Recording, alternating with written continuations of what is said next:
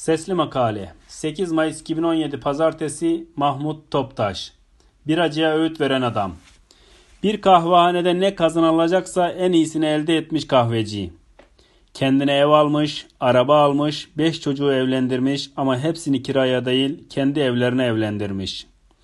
Altlarına araba alıvermiş. Bana anlatıyor. Sayın hocam ben burayı kiralayalı 40 yıla yaklaştı. İlk yıllarda birada satıyordum ayda bir kamyon tüketiliyordu.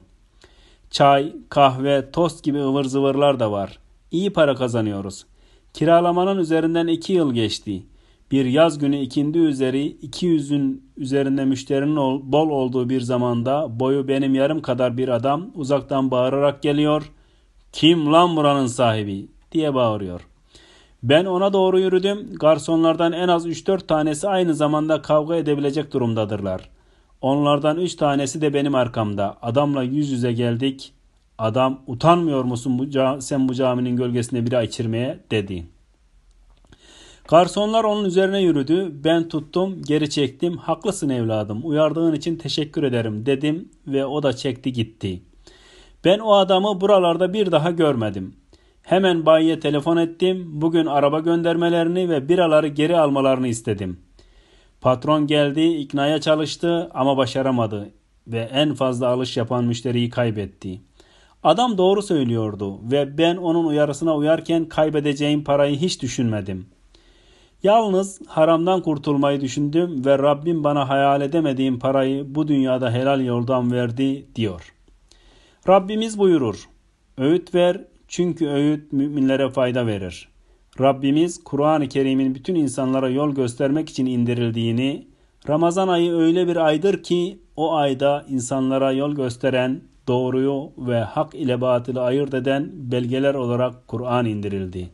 Haber verir.